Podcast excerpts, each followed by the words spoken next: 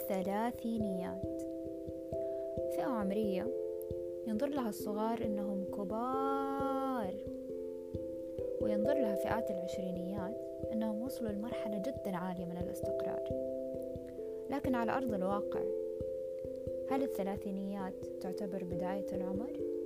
منتصف العمر؟ أو نهاية الشباب؟ هل المفترض أو المتوقع أن يكون أي ثلاثيني أو ثلاثينية محددين ببروفايل معين؟ في هذا البودكاست حنكتشف مع بعض رحلة حياة الثلاثينيات